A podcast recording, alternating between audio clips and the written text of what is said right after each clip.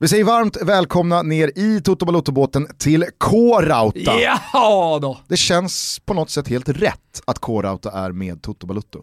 Ja. Eh. Känns liksom som en rejäla K-Rauta i rejäla Toto. Jag tror att alla våra lyssnare känner till K-Rauta. De som mot all förmodan har missat vad K-Rauta är så säljer de allting inom bygg, eh, inom ja, det man köper till hemmet. Eh, de säljer trall, skruv, förvaring, badrumsmöbler. Men framförallt så hjälper de kunderna att planera och genomföra sina projekt. Det kan vara nya badrummet. Var gjorde jag det någonstans? Var planerade jag mitt badrum Gusten? Jo då, långt innan där, tre år sedan, på K-Rauta. Ja men det kan vara altan och så vidare. Ni fattar vad K-Rauta är för någonting. Mm, men du, kul att du nämnde förvaring, för det är nämligen förvaringsveckor va, på K-Rauta just nu. Och varför är det det? undrar du? Jag har kaos i hallen. Ja, men det är det jag... jag menar, sommar ska bli till höst, ja. Lätta shorts och inga jackor ska bli stora skor och tunga rockar. Då har det ju en tendens att eh, blåsa upp till storm Skojar i du? hallen. Ja, jag som har ehm. tre barn, förlåt Augusta, men jag som har tre barn, jag kan säga jag har kaos. Ja, jag kan bara tänka mig. Men det behöver inte vara kaos. Det kan verkligen bli ändring på det och eh, K-Rauta vill hjälpa till med allt från inspiration, tips och råd till att få en färdig förvaringslösning som är helt golden. Så passa på att uppgradera dina förvaringslösningar nu med hjälp av smarta produkter från bland annat Elfa. Hos K-Rauta så får du hjälp från start till klart med krokar, lådor, hängare och system. Dessutom just nu med 20% rabatt. Hallå, lite eftertryck. 20% rabatt fram till den 14 september. Det är nu man ska passa på Gustav. Besök något av K-Rautas varuhus eller krauta.se och så glömmer ni inte bindestrecket mellan K och Rauta Nej. när ni knackar i adressen. Och så kanske någon vill ha lite inspiration, då går man in på K-Rautas Instagramkonto. Det är inte bara detta Gustav, vi har också en tävling. Har du ett hemmakontor som behöver skapas eller förändras just nu kan du alltså vinna förvaring till hemmakontoret från Elfa, det känner ju alla till, till ett värde av 3000 kronor. Ge oss ditt bästa förvaringstips med bild och beskrivning på hashtag K-Rauta förvaringstips. K-Rauta förvaringstips. Och så följer ni K-Rautas Instagram, K-Rauta Sverige, där tävlingen pågår då fram till den 6 september. Tre stycken vinnare kommer du och jag hjälpa till eh, att utse, Gustav. Vi säger stort tack till K-Rauta för att ni är med och möjliggör Toto Balotto. Stort tack K-Rauta.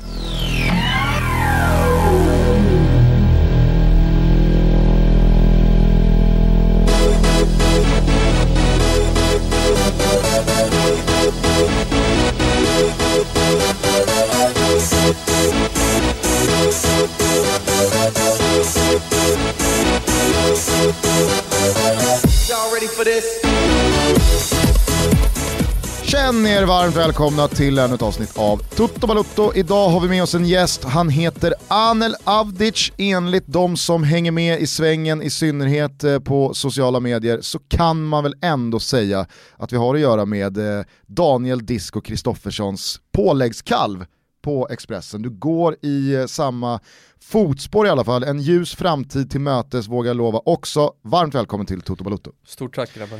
Eh, är, det, är det fel att liksom börja i den änden när man ska beskriva dig? Eller, eh?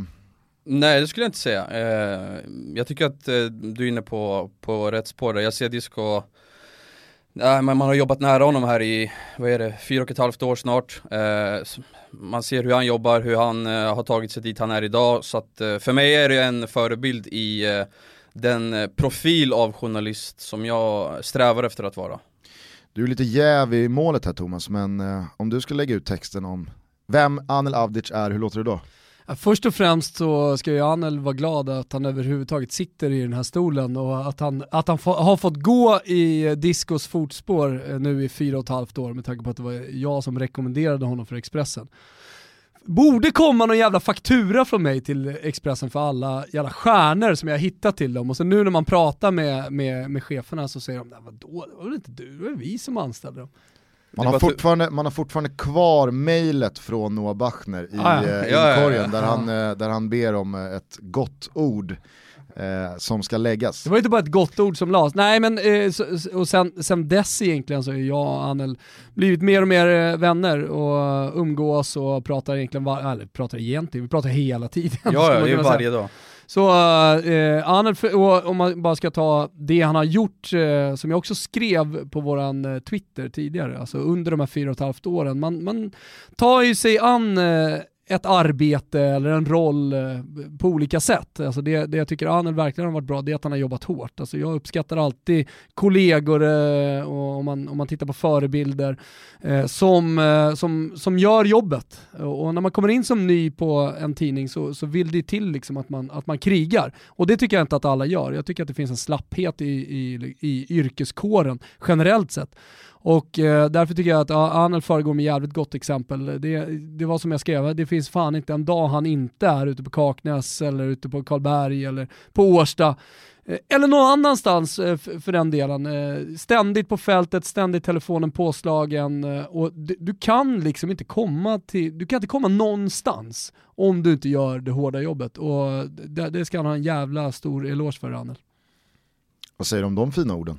Ja det värmer såklart, men men eh, det gäller att vara ödmjuk och bara fortsätta jobba, man, inte, man brukar tänka så här, man är inte bättre än eh, den, eller jag brukar tänka så att man är inte bättre än den senaste texten man skrev eller den senaste träningen eller senaste intervjun, senaste silly storyn, alltså det finns alltid så här, det finns alltid en nivå till, det finns alltid en strävan att alltid bli bättre. Så att det är i alla fall den inställningen jag försöker ha var, var, varje dag i mitt arbete. Men såklart, det är, eh, det är värmande ord och det är fina ord från, eh, från Thomas. Ja, jag ställer mig bakom eh, Thomas ord, men trots allt det bra du gjort de senaste åren så räcker det ändå inte hela vägen fram för att vi ska damma av en faktaruta. Nej.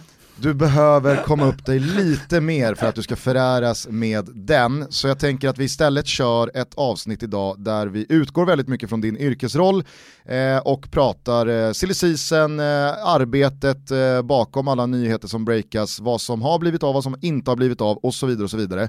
Men vi måste givetvis börja i det som händer i Barcelona.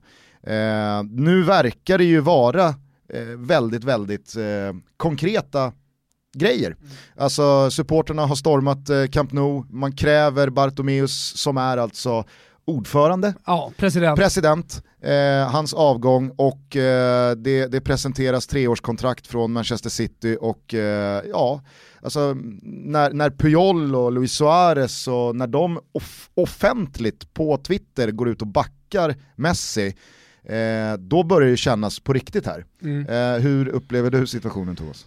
Nej men att eh, det som du säger på riktigt, eh, det är en situation som inte kommer kunna lösas. Alltså Messi och Bartomeu, de kommer aldrig kunna arbeta igen tillsammans. Eh, det har blivit så stor spricka så det går inte att laga. Och det kommer leda till att, som det verkar nu då, att det är Bartomeu som sitter kvar och Barcelona går en väldigt turbulent tid och framtid till mötes.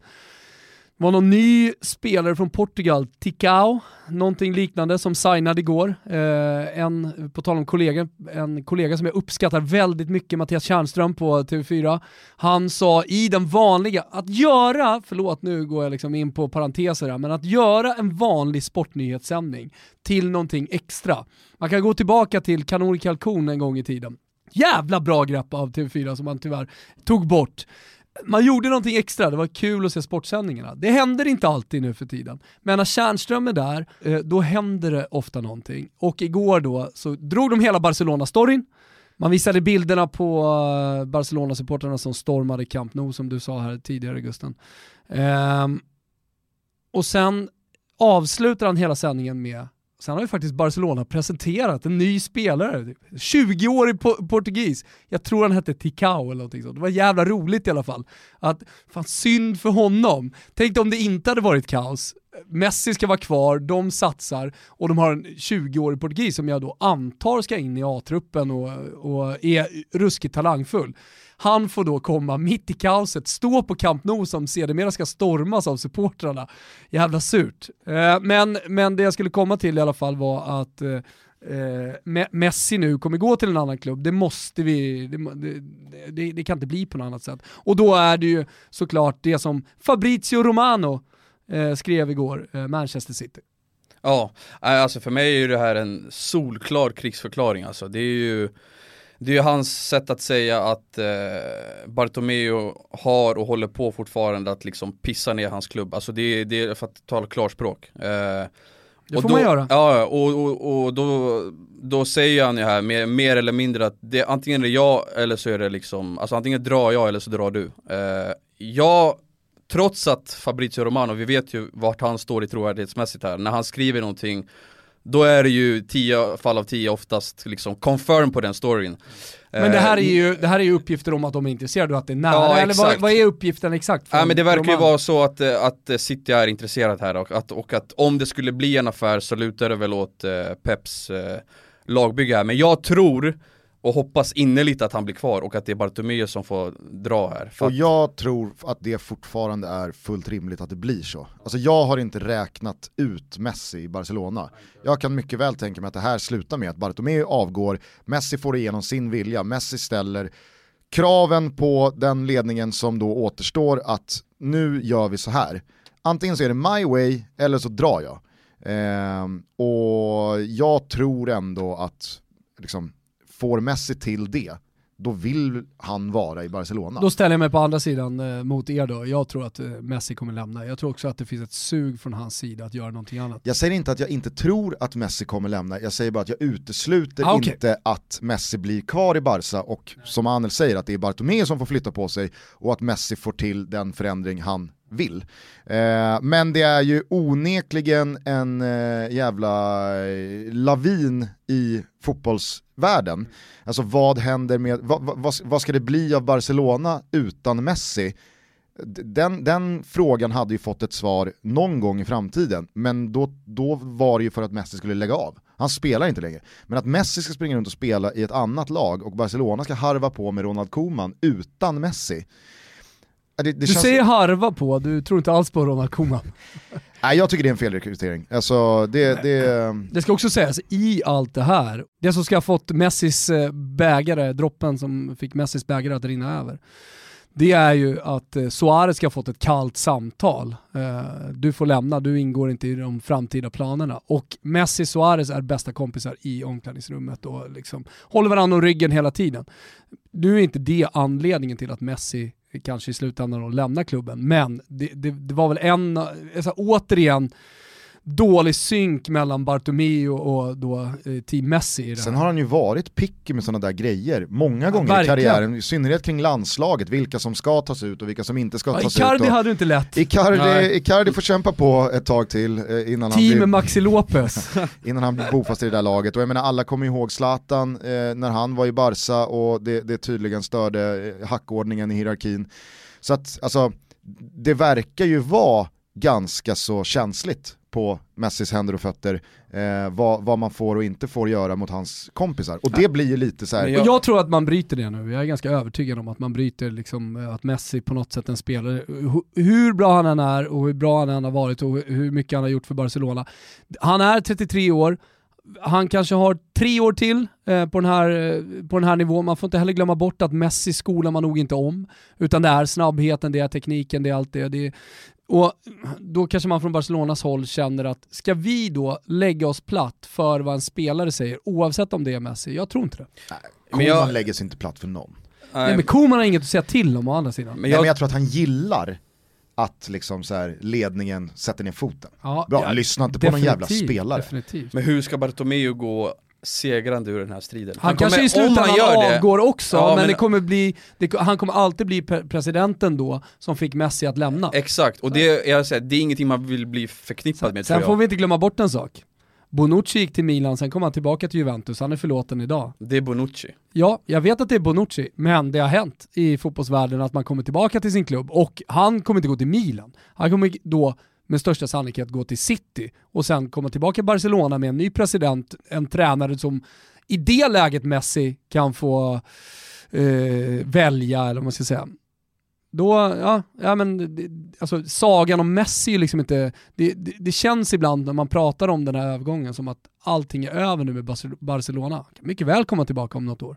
Mm. Ja, men mitt i allt det här så har vi ju Koman och Henke Larsson också som liksom ser allt från första parkett, framförallt Henke, man vill ju bara man, man, man vill ju verkligen höra vad, vad han har att säga här, med liksom ur ett svenskt perspektiv. Ja, alltså jag, jag tror att när Henke satte sig på planet i Barcelona så tänkte han, fan vad kul det här ska bli. Messi. nu tror jag att det är lite rörigare. Så hur ska jag händer? hantera Messi? Men jag förstår inte hur ett lag och en klubb så fullkomligt under så lång tid liksom har hamnat här. Att ingen har dragit i handbromsen och sagt vad, vad, vad, håller vi på med, vad är det för beslut vi tar? Vi dojar tränare och vi, vi har en sportchef som gör bort sig gång efter annan och vi har en president som liksom uppenbarligen inte kan hantera Messi. Det måste man kunna som eh, president i Barcelona. Alltså, jag, jag, jag, jag, fattar inte hur Barcelona har tillåtit sig själva att hamna här. Eh, men det, det, det är ju ganska kul ändå att sådana här saker händer och man kan objektivt utifrån bara åka med. Eh, skulle det bli City, för det får man väl ändå, när, när Romano och de här gubbarna rullar ut att det är City som är hetaste spåret, så får man väl anta att det är så.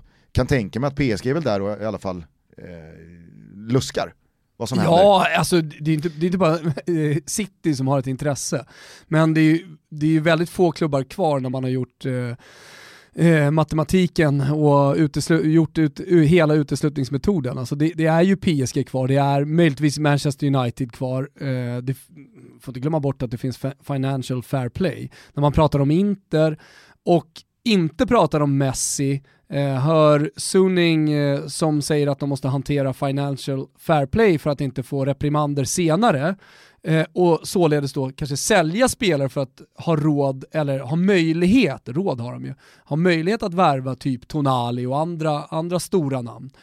Eh, då undrar man ju hur fan ska de lösa ekonomin och financial fair play med Messi? Aldrig. Eh, det, det, det, det, känns helt osannolikt Nej, och då kan, då kan Messi ha investerat i hur många lägenheter som helst kring Appiano Gentili, jag kommer alltid säga Appiano Gentili, det är väl Moratti nu för tiden det heter. Men, eh, Inters eh, träningsanläggning pratar ja, ja.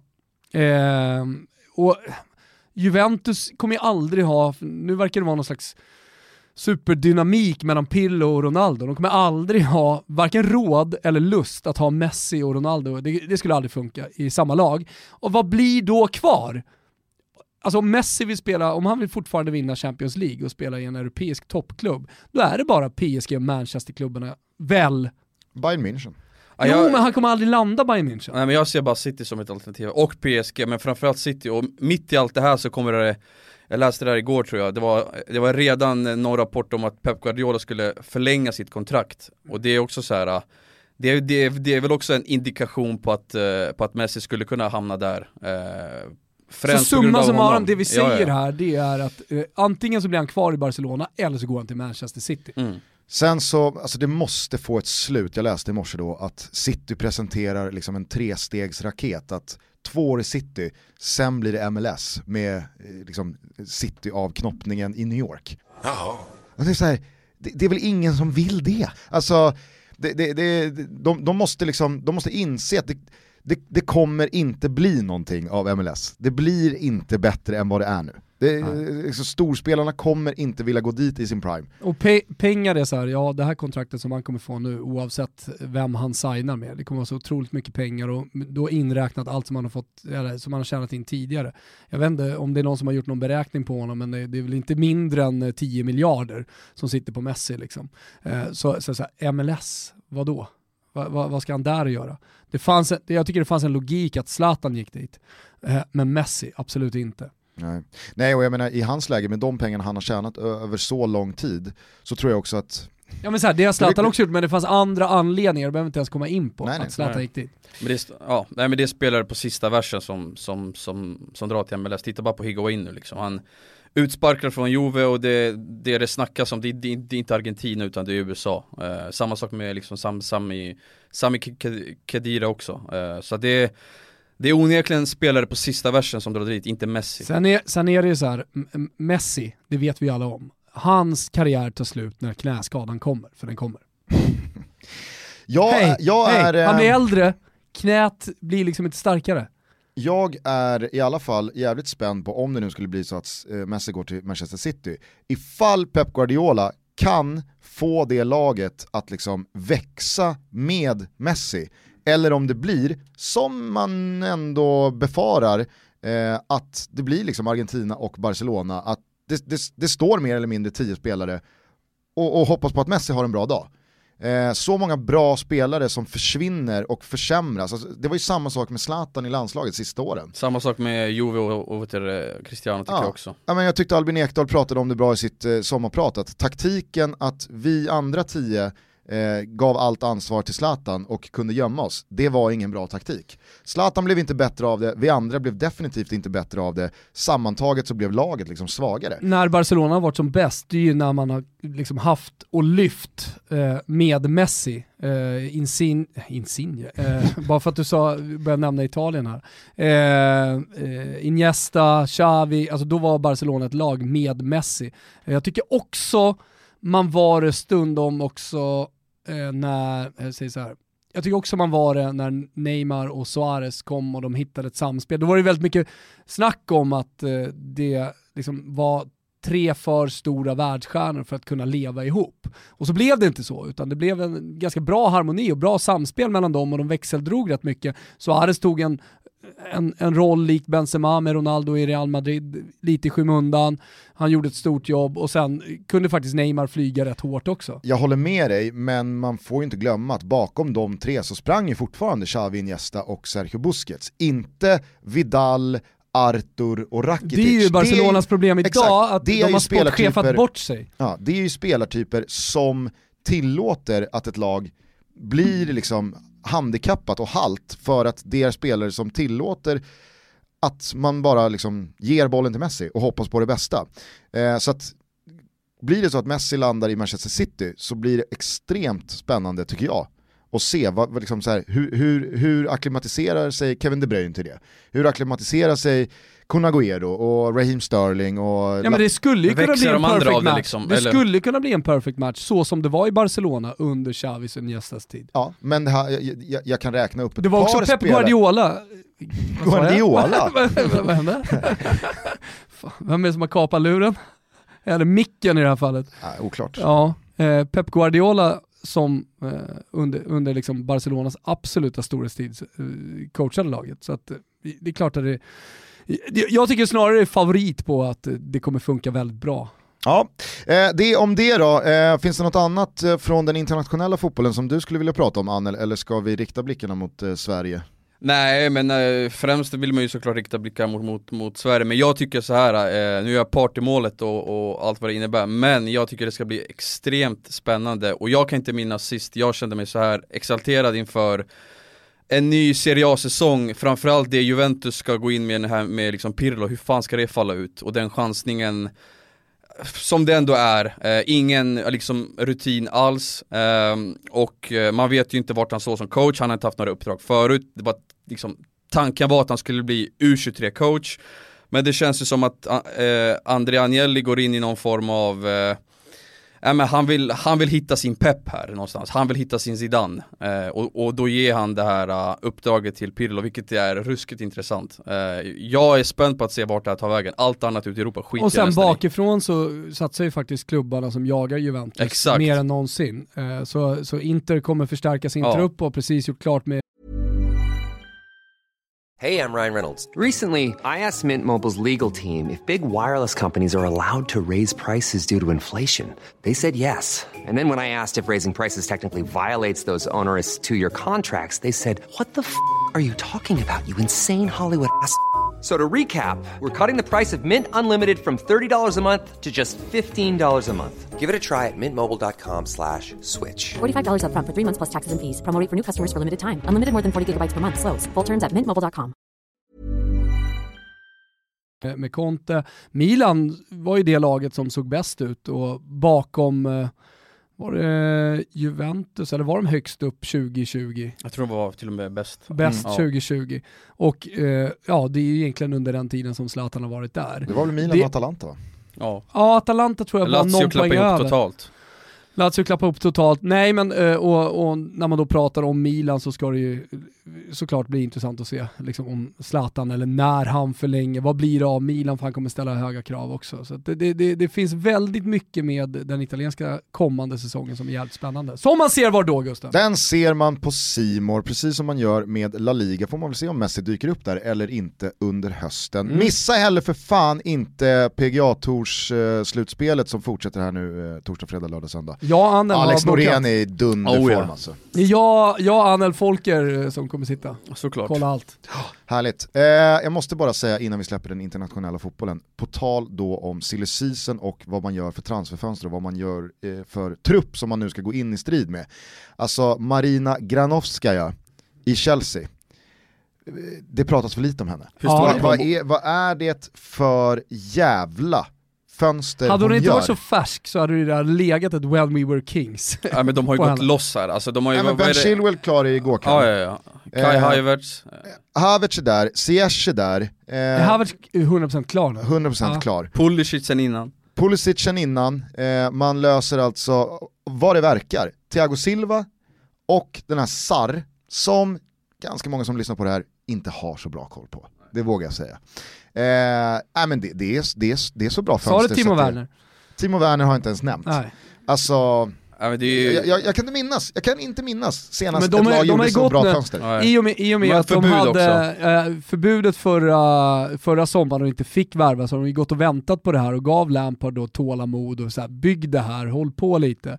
Och sen så fick de ju transferförbudet hävt till januarifönstret, men alla vet om att du gör ingen stor ommöblering under januarifönstret så att Chelsea låg ju ganska lågt eh, under, under januari. Och sen nu då, liksom. så de har, haft så, de, de, de, har, de har gått ett år och väntat på det här och också kunnat kalibrera de här värvningarna på bästa sätt och gjort dem under lång tid. Så att eh, det, det, Framför- det, när man summerar liksom, Chelseas senaste två år så kanske det var bra då att Lampard fick det en smekmånad, en smekmånadssäsong för att sen eh, få alla de här spelarna. Fram, fram, framförallt tycker jag det är imponerande att det är lätt att värva spelare och kasta pengar omkring sig och bara, men alltså de, de signar ju lirare som potentiellt sett är på en topp 5-lista över mest eftertraktade och dessutom vinner över konkurrenterna i budgivningen. Alltså de tar Timo Werner från Liverpool, mitt framför näsan. Eh, Kai Havertz ska vi inte snacka om, alltså det är liksom varenda toppklubb är ute efter honom, mer eller mindre. Och det förstärker ju intrycket över att, eh, alltså, att, det, att det är ett wow-fönster av Chelsea. Ja, ett långsiktigt Ja. jävligt gediget arbete av, Marina Granovskaja. Bra namn. Alltså. Eh, fint när du säger det. Ja, tack. Eh, dessutom så tycker jag, eh, alltså, om det är hon eller Lampard eller tillsammans, det kanske finns fler spelare i det, i det här gänget, men att de också identifierar vad behöver truppen få och vad behöver truppen bli av med. Alltså att, att rensa spelare som William och Pedro, nu landar den lilla gubben i Roma såklart. alltså, Jävla Så jävla Roma-värvning. alltså. Precis som David Silva var, även om det inte blev så, en Lazio-värvning så är Pedro Oh ja. en riktig Roma-värvning. och att det sker också samma dag som Messi ska lämna bara så är det så här, vart ska Messi nu? Den dagen presenterar Roma Pedro. så jävla Ja, det är- deppigt alltså. Nej men och sen så kunna kika på mittbackspositionen att helt ärligt det är för dåligt. Ja. Alltså vi, vi, vi, vi trodde att vi hade okej mittbacksuppsättning, men det har vi inte. Så därför så tar vi in både rutin och vi tar fram en eh, framtidsman. Alltså nu måste de ju, de får antingen gå all in på att Kepa Arrizabalaga då vänder på skutan. Eh, påminner alltså om att världens dyraste målvakt var sämst av alla målvakter i då den totala statistiken i topp 5-ligorna förra säsongen. Wow. Det är, det är ju skrattretande. Det är störtlöjligt. Det Så att, jag menar, antingen, antingen så får de gå all in på att det vänder för honom, för att som Thomas brukar säga, talang försvinner bara inte. Det, det går att hitta tillbaka och det går att, och det går att blomstra. Eh, men eh, löser de, löser de målvaktsfrågan? Ja, alltså jag, jag, jag, eh, jag tror att Chelsea absolut kan vara med och bråka eh, ganska länge både i, i, i säsongen men också framöver. För det laget de bygger nu, det är inget lag som, alltså det är inget Real Blåvitt, nu går vi all in 2012 på gubbarna. Eh, utan eh, det här är ett lag som kan växa tillsammans över flera år. Nej, fu- full pott säger jag till Ja, eh. Chelseas eh, transferfönster. Verkligen. Eh, Okej då, hemma i Sverige så är det full fart. Du sa här innan inspelningen att förra veckan var citat helt galen. Ja, berätta nej, den här veckan har, eh, har hänt extremt mycket. Jag kan inte minnas eh, backa bandet där med liksom silly fönster och deadline days. Eh, framförallt i Allsvenskan, eh, vissa av dem har varit ganska kalla, det är någon övergång här, det är någon som lånar in någon norrman från eh, Superligan, eh, till exempel Elfsborg som ska ha, eller Kalmar som ska ha en anfallare. Eh, men alltså, tisdagen det bara, det bara rasslade in eh, ny, ny, nyförvärv och så var det ju många övergångar som sprack.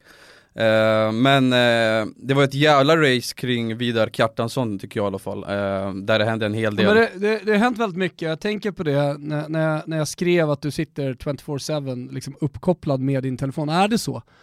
Eh, hur, hur, ja, men hur, hur mycket är det liksom? Hur, hur, eller hur ser en dag ut?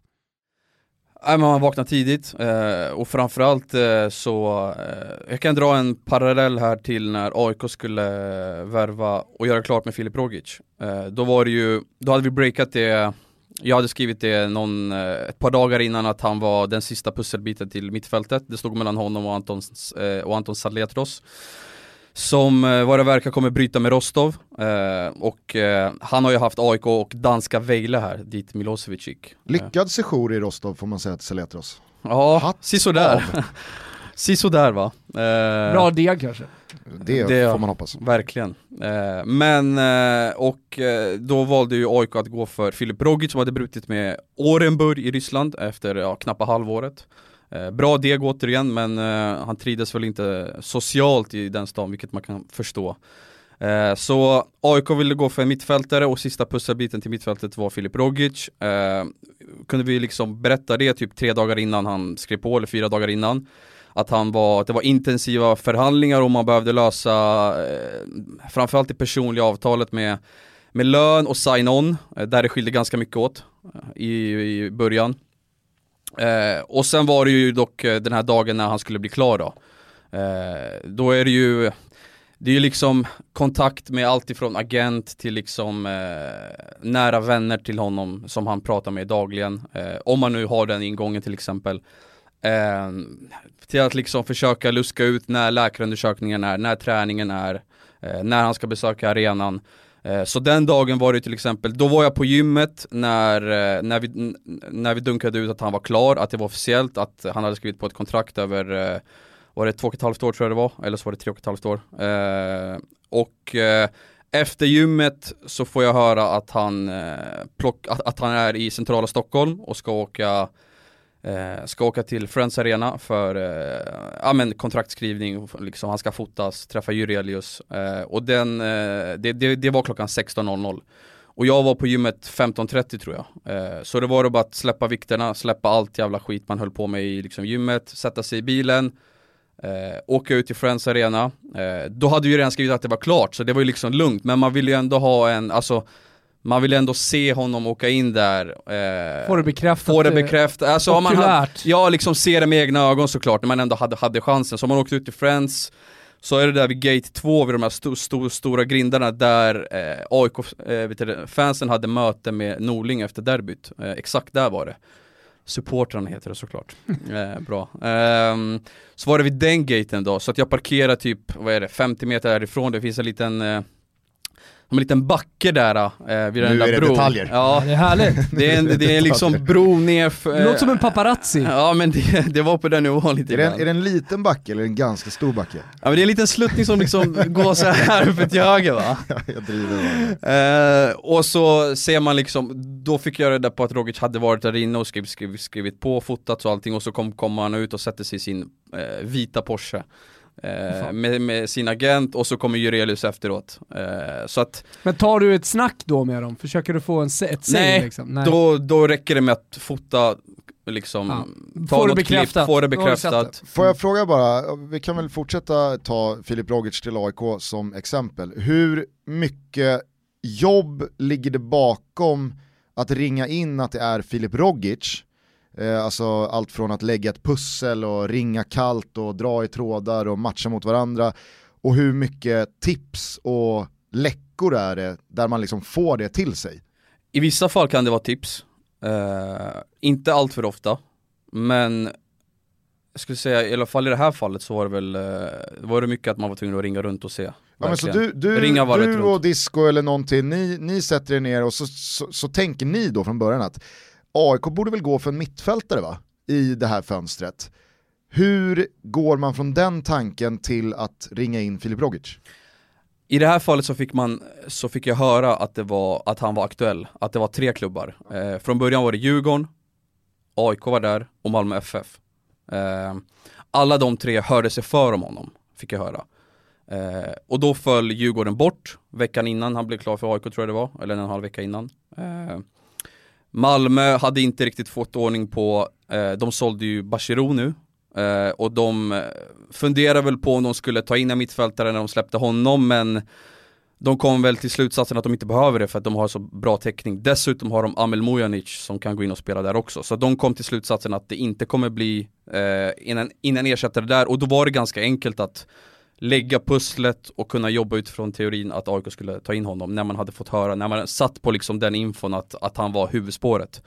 Eh, så det var bara liksom försöka få det bekräftat från flera olika håll och kunna dra loss liksom detaljer kring kontraktet och så. Och så är jag bara nyfiken, mellan tummen och pekfingret, hur många telefonsamtal kräver en sån grej? Alltså pratar vi hundra telefonsamtal eller löser du det där på fyra? Nej men det, det här kanske var 6-7 samtal och kanske det dubbla i sms-väg.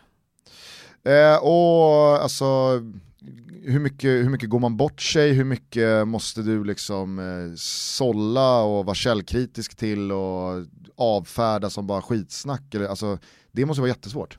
Ja, alltså det... Det snackas ju så jävla mycket i Det- den här svängen. Det är mycket info ute på Twitter också, liksom an- anon- anonyma konton som, som sprider eh, liksom info om den spelaren nära den här klubben, eh, saker som trillar in på mailen, folk som hör av sig på Instagram i DM, kolla upp det här, men eh, man har ju, eh, jag brukar säga så här, eh, man har sin, sin krets eh, som, de kan man nästan räkna på en hand, vilka man litar på. Eh, och så försöker man utgå från vad de säger. Eh, och säger de att det är den här spelaren så eh, då är det oh, 10 fall av 10 nästan den spelaren om inget oförutsett sker. Eh, att liksom spelaren inte klarar läkarundersökningen eller att liksom det blir en hijack och en annan klubb kommer in med liksom ett dubbelt bud och Ja, men jag, det pratade jag om för någon vecka sedan här i podcasten. Eh, just med här breaka nyheter, att ibland så har ju supporterna svårt att läsa vad det är man faktiskt skriver. Pratade om Messi till, eh, eller Fabrizio Romano då, eh, och Messi till Manchester City där han skriver att det, är talks going on, there's big interest eller vad det nu är. Eh, då måste man ju ta det för vad han skriver. Han skriver inte att det är klart att han ska dit. Och när Expressen breakar liksom att så ah, men Phil Rogic på väg till, eller om det är Aftonbladet, det spelar ingen roll vilken deal det är, är på väg till den här klubben, ja men då får man ju läsa det. Skriver, ni, skriver man däremot så att det är klart, det Då finns förväntar man sig att det är klart. Ja, men då, då, då förväntar man sig att det är klart. Ja. Och det händer ju att ni gör också ibland. Eh, Så är det ju. Liksom så här, Men verkligen, det är ju, det är, ju- det är därför vi är extra tydliga när vi skriver också att, eh, att det är detaljer från AIK till exempel. Då är det ju verkligen detaljer från AIK, då är allting inte klart. Då är det liksom, man pratar kanske om en sign-on bonus, man pratar kanske om lönen, säg att AIK erbjuder Rogic 85 i liksom månaden. Han kanske vill ha 95. Eh, och en affär, alltså en, en affär kan ju, kan ju, kan ju liksom falla på det. kan ju också helt plötsligt dyka upp en klubb. Såklart. Eh, och speciellt på deadline day när, när klubbar och även Europa blir eh, en konkurrent till AIK i Rogic-fallet. Mm. Eh, så, jag menar sånt där händer ju i de stora ligorna hela tiden. Alltså var- deadline day är ju tokigt, Alltså, det- folk sitter och väntar på hotell, väntar på att skriva under och ja, men det är ju som en turkisk basar eh, Mm. i stort sett eh, nere, nere på Ata hotell. Nej men det var det bästa exemplet från deadline day i tisdags var väl kanske Kjartansson, återigen, det blir en referenspunkt på något sätt. Men där var det ju redan ute att han förhandlade med Hammarby, men det blev ju inte Hammarby, det blev ju Vålarenga i Norge. Jo varför? För att Bayern la ju fram ett kontraktsförslag, så här mycket kan vi ge dig. Eh, och han ville ju till Bayern, han trivs ju, han trivs ju enormt bra på Årsta under, under, under sin tid här, eh, alltså, i, på, eh, alltså i, givet i klubben förra, förra året, och han ville ju dit.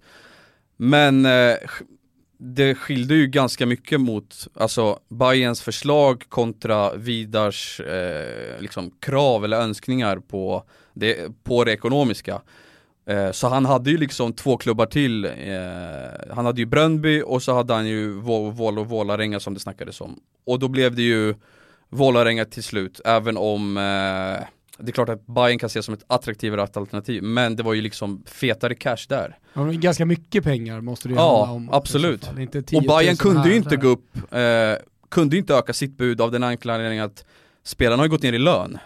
Så att ska man höja sitt bud till en gräns där man gör affärer med spelarnas löner och pengarna, det, det ser ju inte så, så, särskilt bra ut heller. Det Så är att, inte jättekul att kliva in i det omklädningsrummet. nej, exakt och titta de andra i Jaha, ögonen. och fan gubbar, ni har gått ner i lön. Det är alltså de pengarna som ligger i min ficka nu. Mm, exakt. Passa bollen. Har ni sett mina nya? Exakt. Ser det kärande ute? Ja. Nya AMG-färger. Den har ni finansierat, den har, gubbar. Den har ni betalat. Eh, nej men okej, eh, jag- sen undrar jag lite eh, kring eh, eh, relationen mellan dig och Disco. För att alltså, tidigare år, då har det ju varit väldigt, liksom, väldigt mycket eh, stjärnan och adepten. Mm. Eh, Splinter och eh, Michelangelo i Turtles. Eh, Michelangelo. Michelangelo. I Turtles, då var man så liten så då sa man Michelangelo. Ja, det är Ehm, fel. Ja, det, det är absolut. CHK. Eh, jo, jag skulle någonstans då med det här, nämligen att nu mera så känner jag att finns det liksom lite konkurrens mellan dig och Disco? Eller är det väldigt mycket liksom öppna spjäll och man hjälps åt? Eller eh, börjar det bli lite eh, tuppfäktning? Jag skulle säga så här. Eh, det är verkligen ingen tuppfäktning för fem öre skulle jag säga. Alltså den personen eh, jag känner eh, som är liksom minst prestigelös av alla kollegor man nästan har, det är nästan disco. Alltså varje gång om det är någonting i början och även idag, eh, både från hans sida eller min sida upplever jag det, alltså båda kan alltid skriva till varandra, vi kan alltid snacka öppet om allt. Har jag hört någonting, eh, det är inget problem, jag, alltså, jag, kan, jag känner att jag kan alltid höra av mig till honom eh, för att liksom kolla en grej, bolla en sak. Eh, och jag tror att han känner det eh, också, eh, för det har han också gjort liksom. Så att, det- Och så händer det ju att ni har och, dubbel-bylines och, och så händer det att vi har dubbelbajlan och att vi delar på en, på en story. Han har hört samma sak som jag, vi liksom eh, vi strå, strå, strålar samman, skriver texten och liksom kör ut. Det var liksom, det var väl någon eh, övergång här. Du skriver ju orden, disco och han sätter ju bara byline. Ja men han, han skriver också i många fall.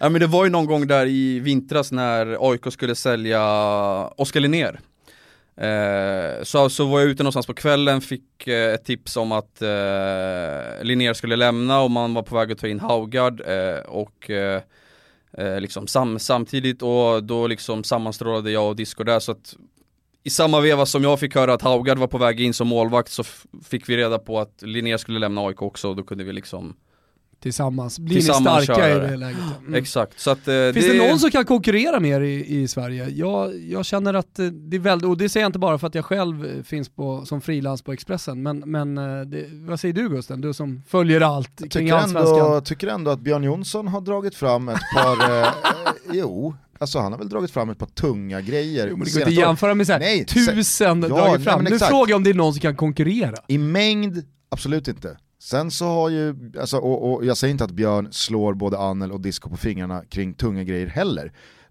Det var bara, Nej, det du, du, du bad mig om ett namn, jag tänkte, fan visst har Björn dragit Björn fram ett på par Djurgården, dra, tycker jag. på, på, alltså, i synnerhet Djurgården. Eh, men, men det har ju varit andra grejer också. Men Eh, han, jo- han är ju programledare på fan-tv. Ja, men han har breakat grejer ändå. Jaha. Det jag gillar med Björn, är- det, det måste jag verkligen få, få sagt här, liksom, stor cred till honom, men det jag gillar när han twittrar ut, i, till exempel, fan vet jag, Kujovic är klar, Kalle Holmberg är klar, det minns jag att han gjorde Kalle är klar för Djurgården, eh, läkarundersökning, då vet man ju att så här, okej, Björn har rätt. Eh, så då, alltså jag känner så här. hade jag inte suttit på den infon, då hade jag kunnat ta Björns tweet och sagt till mina liksom, kollegor på redaktionen att gör en grej på det här, skriv, av, skriv på Björns uppgifter för att han känns liksom eh, Trovärdig. tro, Ja, han känns tro, tro, eh, trovärdig. Och det ska han ha, det är liksom, det är respekt för det verkligen. Mm. Jaha, vad, vad tar du med dig härifrån eh, sista tiden av det svenska Fanns det vi, fönstret? in- finns det någonting vi inte vet som har hänt? Ja, men jag kan väl säga så här, vi kan väl dra lite, jag kan väl tänka att vi kan dra lite bakgrundsinfo till vissa affärer som har blivit av här i dagarna, saker som eh, vi har skrivit om på Expressen eller som, eh, men som har funnits i flödet. Men eh, vi kan tänka så här, vi kan väl börja med Fouad Bachirou som eh, presenterades ju av Nottingham igår, eh, kontrakt 2 plus 1, eh, han gjorde läkarundersökningen i Aten. Eh, och Som man gör av den enkla anledningen att Olympiakos äger ju, de har ju samma ägare för både Nottingham och Olympiakos, så han gjorde ju läkarundersökningen där, sen flög han till England, skrev på, presenterades eh, och eh, Malmö får ju 7 miljoner kronor eh, för den affären, vilket är ganska bra, ungefär samma pengar som man köpte honom för från Östersund och då får man också lägga i beaktning så här, vad har Fouad gett dem? Alltså han har tagit dem till Europa League gruppspel, vad är det, två gånger eh, varit högst bidragande till, eh, till det. Eh, och, äh, men Som för har fått ut något sportsligt men Ja, även gud tillbaka ja. investeringar. Absolut, så det är verkligen ge och ta där känner jag. Men rätta mig om jag har fel, Bachirou lämnar alltså Malmö titellös. Eh, det gör han. Det, det Inget är SM-guld och inget eh, Svenska Nej. cupen, eh, torsk i final. anmärkningsvärt. Det är det faktiskt, eh, det tycker jag. Eh, men eh, man kan ju också förstå varför han lämnar, jag menar det nya kontraktet i, i Nottingham, i, han får ju 13 000 pund i veckan. Det är alltså, vad är det, 160 papp eh, motsvarande i svenska Mm. kronor va? Eh, och han hade 180 i månaden i Malmö. Eh, så att det är ju ganska stor skillnad där och man fattar ju varför han tar den chansen också. Eh, spela i Championship. Ja men alltså herregud, V- v- 400% ökning. Det är, det är ju starka, Oh ja. starka lockrop. Eh, ja, på tal bara om Nottingham där, såg ni Alexander Milosevic tweet igår Ja. om det här till din artikel? Ja, Alltså Anel skriver då avslöjar Fouad Bachirou på väg att lämna Malmö FF. Då skriver Alexander Milosevic till Anel. Grym klubb med grymma fans. Hoppas bara att han inte spelar så otroligt bra att han blir utfryst. det var ju så det blev. Jag, jag, jag, jag tänkte såhär, vad fan, fan menar Milosevic här? Vad menar han? Ehm, nej, men han gick ju väldigt bra där en vår, kände förtroendet. Eh, jag tror att han spelade, när han lämnade, då spelade han, jag tror det var feb- mars och framåt, framåt juni, eller om det var april och framåt. Man hade typ 13-14 matcher där han var ordinarie i mittlåset med Juan Benaloan, du vet den här, han som hade varit i Sassuolo och harvat i Serie A. De två spelade ju tillsammans där, de hade ett gäng skador och han gjorde det bra, han gjorde ju mål. Eh, fansen, alltså supportrarna älskade honom. Eh, vart ju liksom en publikfavorit här, ganska snabbt också får man ändå säga. Eh, lite så här light version av Ponne skulle jag ändå vilja säga. Det var i alla fall den bilden jag fick när jag pratade med honom och gjorde en intervju. Eh, och han kom ju med eh, i den, Sveriges eh, kvaltrupp mot Spanien, eh, så att eh, han var ju med när Sverige torskade mot Spanien i, på Bernabéu förra sommaren. Eh, gick skitbra, liksom kände han, han, alltså han, han trivdes som fan. Och så skulle den nya säsongen dra igång, eh, och då var han inte ens med. Första matchen i Championship så var han utanför truppen. Eh, och jag kommer ihåg hur liksom nyhetsrapporteringen var då på öarna, alltså av lokaltidningarna. Det var A lot can happen in three years, like a chatbot may be your new best friend. But what won't change? Needing health insurance. United Healthcare Tri Term Medical Plans, underwritten by Golden Rule Insurance Company, offer flexible, budget friendly coverage that lasts nearly three years in some states. Learn more at uh1.com så här, Milosevic inte ens med i truppen, vad händer? Eh, och då hade han ju eh, blivit liksom eh, tokpetad av tränaren. Var det Eh, samma tränare som säsongen innan? Ja, jag tror det var en ny med liksom. Han har blivit totalt utfryst, inte fått någon förklaring alls. Eh, och han bröt väl kontraktet typ någon månad senare. Eh, så att eh, jag tror att han känner att han eh, lämnade den klubben lite på orättvisa grunder, att han kände sig lite illa behandlad. Han, han ville vara kvar men liksom på något sätt tvingades bort. Ja.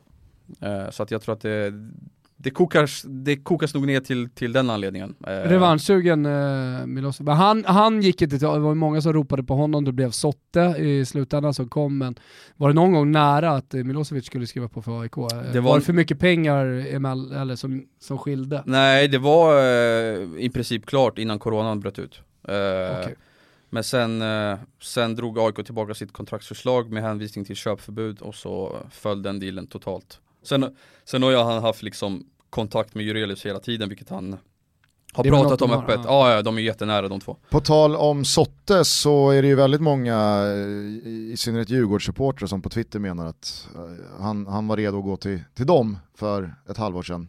Ja, Då skulle han till Djurgården. Var, var, det så? Ja, eh, om jag inte har helt fel så skrev ju Disco att det var det var ju väldigt intensiva förhandlingar där i, vad var det, när, i samma veva som Danielsson såldes till Kina. Eh, så att det var ju, eh, det var ju, jä- det var väldigt nära. Men, eh, Återigen corona. men återigen så var det coronan och liksom Djurgården i det här fallet valde att vi kan inte lägga ut de här pengarna när vi inte vet när allsvenskan drar igång, när vi inte har publikintäkter.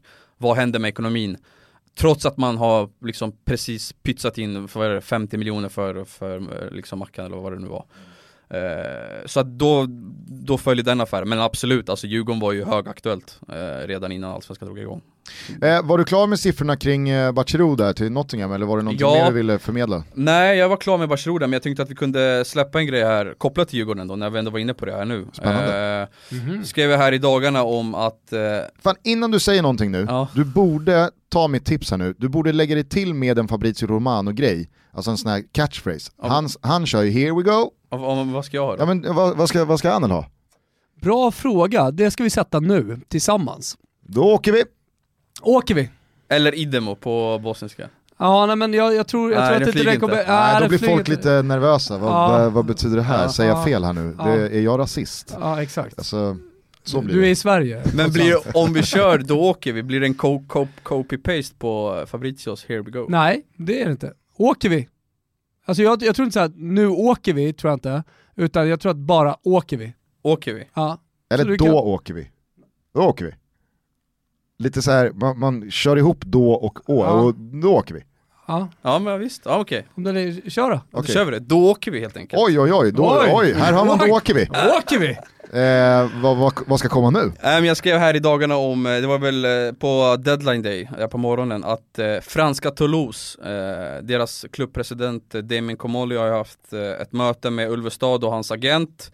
Eh, och eh, de vill ju ha honom, eh, de har ju undersökt möjligheten att A. Värva honom i sommar, eh, B.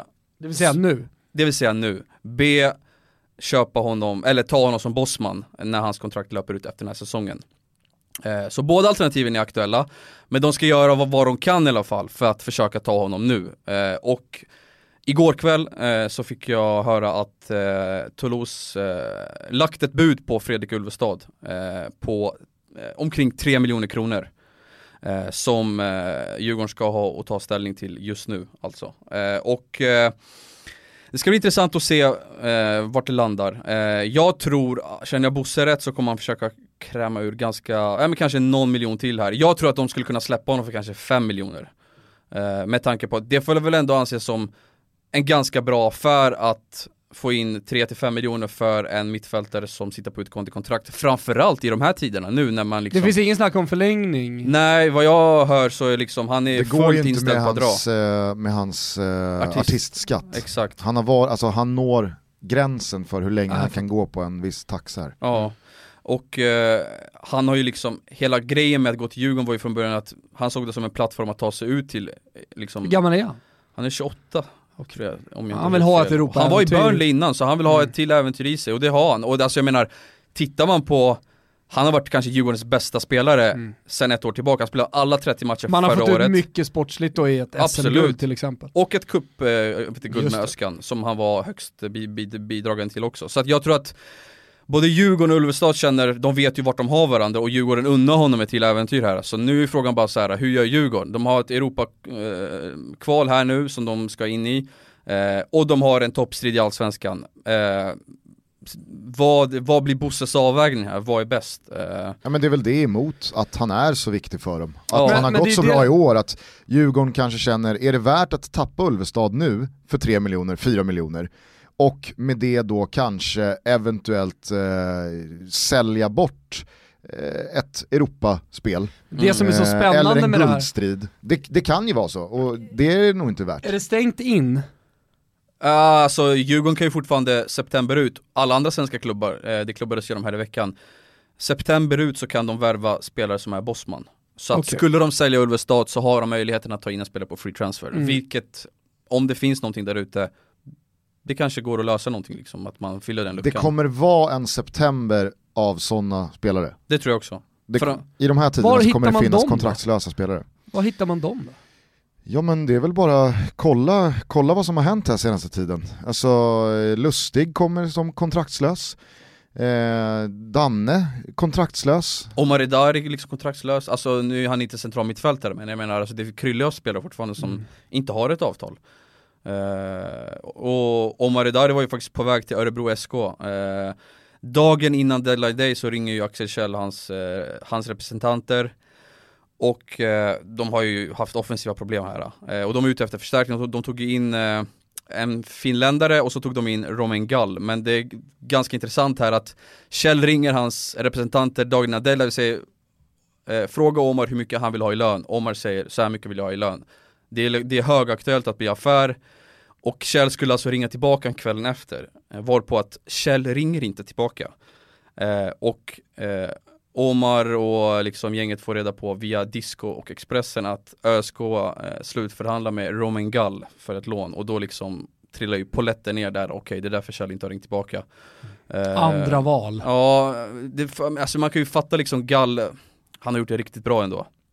Är väl lite yngre, kommer ändå från, eh, var i Norge eller Danmark här nu. Eh, men samtidigt så lider man ju med Omar. Eh, men jag vet själv alltså, han har ingen stress. Liksom, han har september ut att hitta en klubb här. Men där, där ser man ju hur snabbt det, det kan svänga. Finns det allsvenska klubbar som borde vara intresserade där? Av Dari? Ja, jag, jag har inte hört någonting men råd finns det nog klubbar som har definitivt. Han är ju fortfarande, han är ju bossman så de, har ju, de behöver ju bara stå för lönen och eventuellt någon sign-on. Men det kan lösa sig. Vad finns det mer från nyhetsdelen att rapportera om? Bayern eh, tog in en vänsterback här, eh, Mohannad eh, Jehaze, eh, väldigt svåruttalat namn tycker jag. Eh, men... Det var lätt.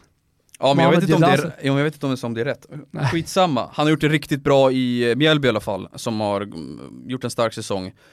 Eh, kommer för, förmodligen eh, starta här ikväll för Bayern eller han är i alla fall högaktuell till att spela. Och eh, Bayern betalade runt en miljon till 1,5 miljoner för honom. Eh, bra pengar för Mjällby. Ja, ganska billigt eh, för Bayern men ändå bra pengar för honom också. Eh, stärker upp eh, sin position där, nu har de ju två bra backar, eh, Widgren och honom. Och i samma veva kommer Debrito, det har vi också skrivit om, att Debrito kommer skeppas till TPS Åbo på ah, lån. Det är... Det var savannen det. Det är ett tungt samtal att få. Du, du vi, vi släpper det på lån. Ah, Okej, okay. Eh, var? Åbo. TPS. Nej. Va? Nej. Ni skämtar? Ja. Det är bara Mariehamn som är värre. Ja, ja. Åland, du ska till Åland. Brasse på det också. Eh, vad fan hette han, Djurgården, som Bosse skeppade till Mariehamn? Det blev färjan. Maripo hamnade ju där. Ja, alltså. men Marpan, Marpan hamnade ju där för att det, liksom, det, det fanns ju inget bättre och han var ju... Ja, nej, exakt, där och då så fanns det inget bättre. Marpan krigade sig tillbaka, det ska han ha. Ja. Men eh, Djurgården hade någon... De dödade någon? Ja, nej men fan om man... Om man Enrico hade... eller Curinho? Nej, nej, nej, nej, nej eh, han hade något liksom, lite franskt klingande namn. Eh, Lus, nej inte Lusenac, det är ett avsnitt vi har pratat om i Never Forget här. Men eh, ja, det är säkert jättemånga djurgårdare där ute som sitter och vet exakt vem jag far efter. Han fick då, den här, det kan ha varit 2014 eller något, han fick lånet till Mariehamn. Han fick, han fick ruttna på Åland. Sen vet man inte vad som hände. Nej, Nej jag har inte hört hans namn eh, ever since. Eh, den är tuff. Men du, de här sportcheferna då, vem, vem, är, eh, vem är knepigast, vem är lättast, vem är roligast att ha att göra med? Bosse känns som att han gillar att dansa tango. Ja, Bosse är ju lättast att göra med, utan tvekan alltså. Han kan ju liksom Nej men han, alltså, fram, fram, fram, alltså framförallt så svarar han ju alltid när man ringer, man kan ringa 02 och han bara plockar upp luren, Bosse, tjena gubben. Du är också vaken? Ja, vad vill du? Kom igen säger han alltid, och så får man säga vad man vill. Det är alltid kom igen, kom igen. ställ frågan. Och det, är, det är hans, åker vi? Ja men det är liksom, kom igen, och, så, och framförallt så säger han ju aldrig hej då, han slänger bara på luren Det är Men, så. Eh, rent, Okomplicerat ändå ja, förhållande. Ja, rent procentuellt, hur mycket skulle du säga att du håller dig till Stockholmsfotbollen? Och hur mycket jobbar du nationellt? Um, ja men 90% Stockholm. 90%? Ja, och så 10% nationellt då. Så då är det ändå, det, det är ändå betydligt eh, oftare kontakt med Jesper Jansson, eh, Bosse Andersson ja. eh, och eh, Westström, numera Jurelius, ja. eh, än att du har samma lina med, med Giffarnas och Halmstads ja. sportchefer också. Absolut, jag, jag tror det var andra gången i år som jag ringde eh, Stefan Andreasson, klubbchef i Elfsborg, igår faktiskt, eller på deadline day. Oerhört noga med att påtala att han är klubbchef, ja, inte sportchef. Nej, klubbchef. Han är det ja. ja. han har ju kollat väldigt mycket på de italienska, Beppe Marotta, han var inte sportchef i Juventus, han var klubbchef, det är den där Paratic, jag är inte han. Exakt. Ja. jag träffade honom när vi gjorde Road to Allsvenskan och sen så inledde jag då snacket, här sitter jag med Stefan Andreasson, mångårig sportchef i Elfsborg, då bara klev han in. Alltså jag är klubbchef. Är det, hur dåligt påläst kan man vara? Och så bara dödade stämningen totalt. Värdelös intervju. Ja det, det, det, det är viktigt att poängtera det där klubbchefsordet. Ja. Men eh, andra gången var väl jag ringde honom i, på, i tisdags då, på, då skulle De, Dennis Hymmet till eh, eh, till Örebro på lån med köpoption, då fick, jag, då, då fick jag höra att han precis skulle kliva ut på Bern Arena och träna och göra sin första träning 10.30 Så jag ringer ju eh, Andreasson 10.10 20 minuter innan träningen och bara eh, Jag trodde inte att han skulle svara, det, han, han, alltså han brukar inte vara typen som svarar på första försöket Nej. Men den här gången plockade han upp luren och jag bara Stefan, klubbchef. Ja, Stefan klubbchef Jag bara, nej men eh, hymmet till Örebro, vad kan du säga? Eh, frågade jag honom och då sa han så här, och då började han skratta, ja vad kan jag säga? Det är klart Då, då hade han precis alltså. liksom skickat in papperna, men Elfsborg hade ju inte gått ut med någonting på hemsidan och inte ÖSK heller, så det var bara in med ett citat Pusha ut med liksom nyheten och så blev det officiellt typ eh, På tal om men Elfs- det får man ju, det var det jag var inne på tidigare, det får du ju, sådana situationer, att det händer för att man jobbar hårt. Ringer du ett samtal i veckan, då, då träffar du ju inte där. Nej. På tal bara om eh, Elfsborg och Örebro så kommer jag att tänka här nu på när Axén berättade om när DG eh, skulle lämna Örebro för Elfsborg. Eller han skulle väl inte lämna Örebro, eh, Axén var jättenöjd med honom. Och så berättar Axén då att DG sitter på 55 000 i månaden i Örebro. Och sen så kommer DG in, knackar på dörren hos Axén och säger eh, Elfsborg har erbjudit mig 120 i månaden. Axén kör bara, stick. det, är, bara- det är bara sticka. Det kommer jag aldrig kunna matcha. Det är, det är, det är bara, det, det är bara åk. Det är bara att sätta dig på tåget till Borås, Eh, DG, stick. Vi hörs, ha det bra, tack för allt. packade väskorna dir det är så jävla kul. Eh, men okej, Jurelius då, vad har du fått för bild av honom? Hur, hur är han? eh, Känns hal. Pressad framförallt va? Pressad. han, han har haft Herregud. Du känns pressad Alexander. Ja, men jag har ju mördat Christos och misshandlat min mamma, tror fan att jag är pressad. Rafael Edholm, för alla som kan sin bäck. Exakt, i kartellen Kartellen. eh, För övrigt riktigt sjukt att jag idag efter arbetsdagen ska med min tjej och köpa ett nattduksbord av Rafael Edholm. Är det så? Ja, det är så jävla oerhört. Fråga honom om kartellen då, hur det var Ja, att spela in jag, ska, jag ska göra. Eller ska jag säga bara, du ser lite pressad ut Alexander. Bojan Vladovic Kul om man tar det. Ja det är klart som fan jag är pressad, jag har ju mördat Christos och misshandlat min mamma. Fin Audi TT också på honom på den tiden i den här filmen Mm. Det är klart att jag är pressad, ni har för fan misshandlat min mamma och mördat Christos! Tacka fan för att jag är pressad! Eh, Jurelius, Ja, Jurelius. Nej men jag tycker han har kommit, kommit in i det bra. Det har varit, eh, det är ingen tacksam uppgift att liksom eh, Det känns som att så här eh, precis när han tillträdde så, och i takt med liksom resultaten så upplevde jag att han fick stå och svara på frågor och skulle liksom bära något ansvar för eh, någonting han inte låg bakom. Alltså truppsammansättningen eh, eh, liksom innan det här transferfönstret, det är inte Jurelius verk. Det är Björn Westström. Eh, det är liksom eh, till stora delar han och styrelsen som har liksom eh, som har satt ihop den truppen. Eh, så att jag tyckte att han fick ta jävligt mycket skit eh, början av säsongen och på det, eh, det första han gör, eh, tvingas göra eh, för att AIK och Rickard Norling inte är på samma bana, eh, det är att han tvingas skeppa AIKs kanske framgångsrikaste tränare i modern tid, Rickard Norling. ja, i alla fall mest älskade. Ja, eh, men alltså det är ingenting man bara gör eh, över en dag liksom, alltså det måste vara extremt tufft, men han gjorde det. Hur insatt var du i den soppan? Äh, men, eh, Kan du ge oss några snaskiga detaljer från vi hade ju en eh, ganska, jag och Noah Bachner hade ju, min kollega på Expressen, vi hade ju en eh, Va? vem? Vem? Buchner sa du? Kanske folk som inte vet, man vet ju aldrig eh, Noen Buchner. Var det så han hette? Så? Butchner. Butchner. Britt ja, jag gillar. Ehm, nej men vi skrev ju en liten bakom kulisserna text där, eh, vad som hände egentligen de, de dagarna när AIK och Norling gick Kortfattat, vad var det?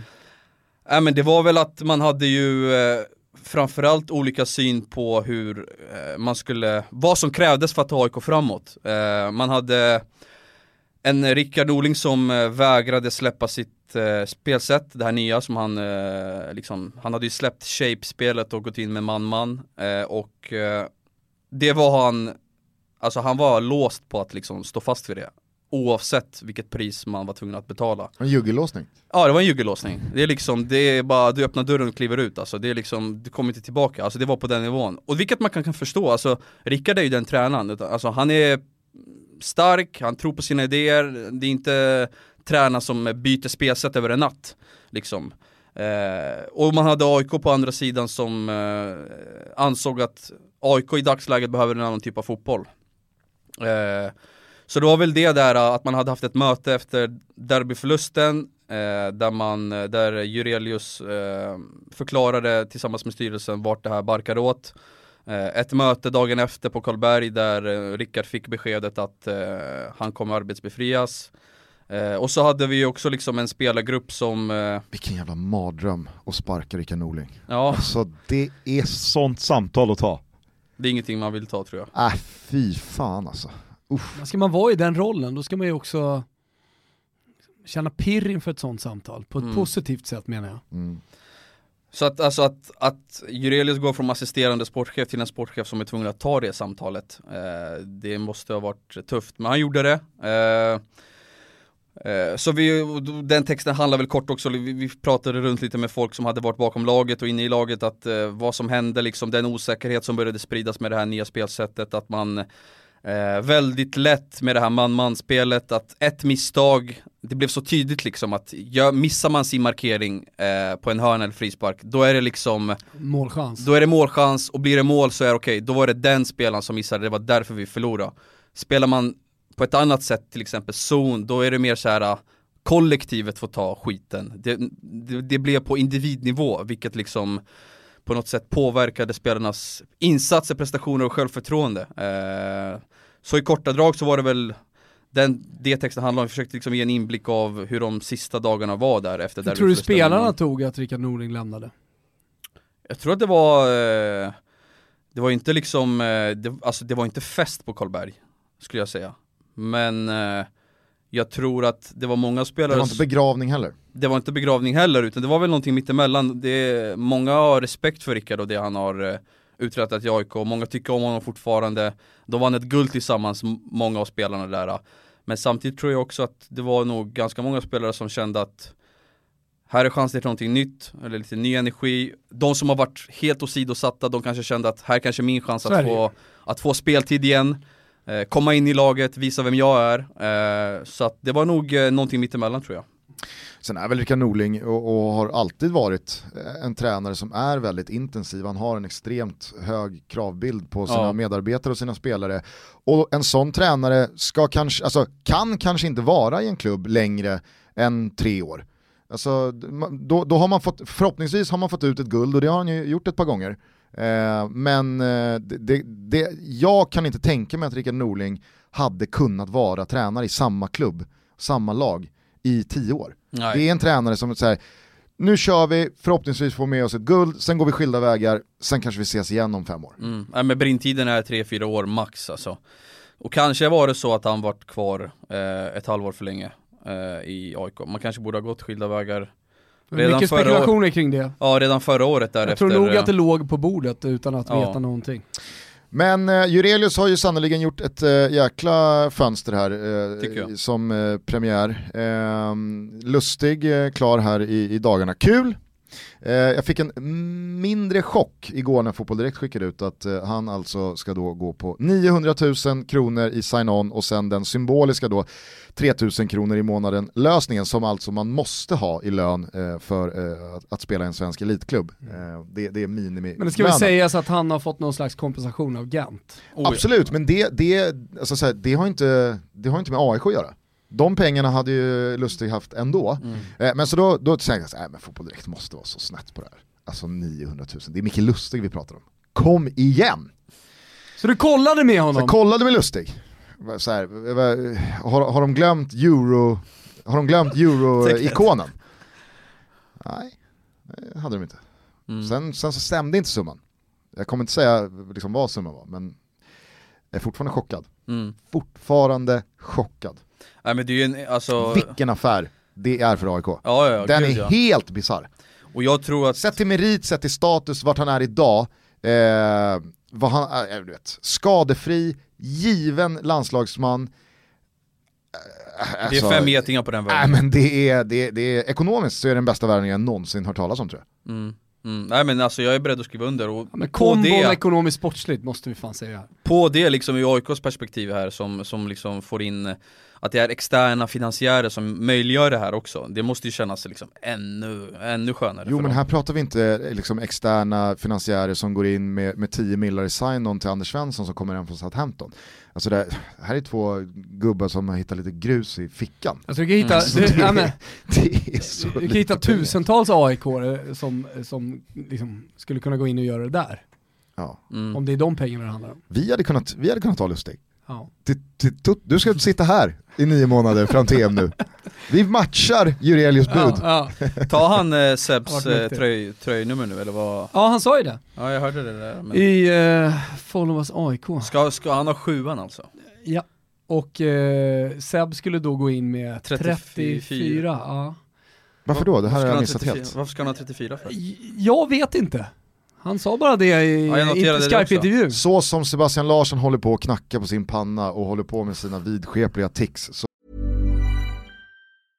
Selling a little or a lot? Shopify helps you do your thing however you cha-ching. Shopify is the global commerce platform that helps you sell at every stage of your business. From the launch your online shop stage to the first real life store stage, all the way to the did we just hit a million orders stage. Shopify is there to help you grow. Shopify helps you turn browsers into buyers with the internet's best converting checkout. 36% better on average compared to other leading commerce platforms because businesses that grow grow with Shopify. Get a $1 per month trial period at shopify.com/work. shopify.com/work. har han ju någonting med numret Ja, ja. 34 också. Ja, ja. Det, det är någon, han Det måste, finns något det är bibliskt. Så jävla mycket tvångstankar det verkar vara på Sebastian Larsson. Mm. Alltså se hur han håller på på, på planen. När han Ja, ja, ja. knackar mot pannan och pussar och knackar och Men- pussar och knackar. Men Alltså, det, eh, Bernadeschi har ju ett nummer, jag tror att det hur gammal blev Jesus? Han, har ju, 32? han har ju 33 i Juve. Ja, då blev Jesus 33 tror jag. Det är så Bernadeschi har fel på det. han blev 32. det är det Ja, faktiskt. fan jag har 33. Fan jag läste fel alltså. Close enough. Bonusåret. Han återuppstod ju. Då levde han ett år har jag hört. Ja. Okej, så vi vet inte varför Sebastian Larsson byter den här nu till 34. Nej. Just 34 vet jag inte, det är säkert någon som redan har satt. Men eh, det var Lustig som sa. Ja jag hörde det också. Jag ska göra honom, tror jag, i, i Studio, eh, Studio AIK imorgon. Studio Allsvenskan höll jag på att säga. Det ska jag inte göra. Eh, håll utkik eh, aik som vill se det. Bara kort, eh, Hammarby då? Eh, Jesper Jansson, hur är Mm. han? Han är, eh, svarar inte alla gånger men eh, upplever att Han mår inte dåligt när han får hålla dig på halster. Nej, det var väl så här när jag, jag ringde ju honom om De Brito, då, ville han, då svarade han inte Då skickade han, du vet, här, du vet när, när, när det ringer så kan man smsa Ja. Då är det så här förinställda eh, Kan jag ringa dig sen? Ja, och då var det så här, jag ringer upp och då skickade jag kanon, fick inget svar tillbaka på det Men... Eh, Han har ju fullt upp med Zlatan nu. Ja, Han är ju i stan. Ja det kanske han är Ja. eh, Jo, jag såg eh, Pojkar 09 i akademin, någon som la ut en bild eh, med Zlatan igår. Ja okej, Så att då måste han ju vara i stan. men jag kan ändå köpa att han inte svarar och jag tror att han var mitt uppe i Jahazes läkarundersökning så att han hade väl annat att tänka på men det är hyvens gubbar alla, alla tre. Ja, alltså de är, de är Björn var svårast att ha att göra med upplevde jag. Han var, han, han var mest så här mediatränad och väldigt så här, Integritet. i, ja, integritet och sådär, och vilket man respekterar, alltså alla är olika. Du eh, kan ju också ställa en fråga så får man en åtta minuter tillbaks. Ja, Där man kanske får ett svar, ja, men kanske inte. Men till, till, slut blir det bara en grö, gröt av, han är oerhört skicklig på att inte svara på frågan. Ja. Oerhört skicklig, Ja. och det får man ge honom, det är hatten av för det. Alltså jag menar, det är ju, han är ju alltså, han är så tränad och skarp så att det Men du, eh, en annan sportchef som verkligen har växlat upp, eh, kanske rent av Sveriges egna Marina Granovska, är Ola Andersson. Alltså det här eh, långa avtalet med Sugita skojar man inte bort. Nej Eh, och på det så verkar han då ha kvar Vecchia. Vad vet du om Stefano Vecchia där som har varit väldigt mycket Ja, säsongens ska- spelare ryktesmässigt. Det var ju mycket Djurgården där. Mm. Det är fortfarande aktuellt eh, skulle jag säga, men eh, vi skrev här för några veckor sedan att eh, Djurgården hade lagt fram ett kontraktsförslag för Stefano Vecchia. Eh, ville ha honom, eh, han har ut, ut, utgående kontrakt, gjort en supersäsong eh, och eh, man hade lagt fram ett kont- kontraktsförslag att ta honom på pre-contract alltså. Efter att eh, avtalet löper ut med Sirius från och med nästa säsong. Men man, man ville också köpa loss honom här i sommar. Eh, och Malmö FF har också varit intresserade, eh, de, de är fortfarande med i bilden, men Vecchia vill stanna kvar i Sirius, spela klart säsongen, liksom få de här matcherna. Han har ju varit skadad och Vad, har- vad har han för avtal? i Sirius, Ja. han sitter på utgående. Okej, det går ut vid Ja, årsskiftet. ja, så att eh, han har ju rätt att förhandla med andra klubbar nu. Eftersom att det är mindre än sex månader kvar på, på hans kontrakt med Sirius. Eh, så det var ju därför som Djurgården kunde, kunde, kunde lägga fram det här pre-contract förslaget då, eh, som han ännu inte har accepterat. Men man ville ju köpa loss honom också. Men han känner ju att han vill stanna kvar. Eh, han har varit skadad, spelade knappt någonting i fjol, haft problem genom åren och i år är det första gången eh, på länge som han spelar vecka ut och vecka in. Eh, och det är därför han är så bra också nu. Jag kommer nu live-revidera min åsikt om Ola Andersson. Jag drar tillbaks hyllningarna. Vadå då? För jag tänker, i hans läge, med de poängen som Sirius har spelat in, det kommer inte vara någon toppstrid. Det kommer inte. Men Sirius är ju redan nu klara för allsvenskt spel nästa säsong. I det prekära ekonomiska läget Sirius är då, då måste väl Ola då casha in på vecka när han nu har chansen. Men vecka vill inte gå. Fast, alltså, då får han väl se till så att han vill. Alltså Uppsala, Stockholm, det är inte jättelångt. Nej, men eh, det här handlar nog mer om Du fattar att... hur jag tänker i alla Ja, fall. Absolut, jag också att absolut. han vill liksom, Sirius har en chans här nu att få in någon mille eller två på Stefano Vecchia. Det är pengar som Sirius behöver. Mm. Sportsligt, ja, Stefano Vecchia kanske gör att Sirius droppar två pinnhål i tabellen, härifrån och in. Det kommer inte bli, de kommer inte åka ur, de kommer inte vara med och slåss eh, om, om guldet. Så i det läget så, fan, det är ju Olas uppgift här att ta pröjs. Men jag tror att Ola ville, alltså han är nog öppen till att liksom sälja och, och casha in, men jag tror att det, bollen ligger ju hos Vecchiar, han är utgående, jag vet att han också har tankarna på att så här, okej, gör en supersäsong här i höst, i vinter, då finns chansen att jag kan gå utomlands. Jag Skriva, säger skriva på, ut Vecchia, säger jag. det kan de inte. Ja men en gång Nej, men i liksom, tiden när det började med så pre-contract och sånt där, att man väntade ut Bosman, eh, vet ju vi som har följt den internationella fotbollen väldigt mycket att det är många supportrar då som har gått, gått emot spelare eh, som man uppenbarligen, eh, uppenbart liksom har känt till att de bara spelar ut kontraktet och så får klubben inga pengar och då har ju supportrarna varit vansinniga. Det har ju helt avstannat. Supportrar blir inte arga längre på spelare som, i alla fall inte allsvenskan, som Nej. spelar ut kontrakt. Nej, nej, men jag, Och inte förlänger. Nej men jag delar nog den bilden, det var nog ganska länge sedan eh, supporten blev lacka för att en spelare inte förlängde.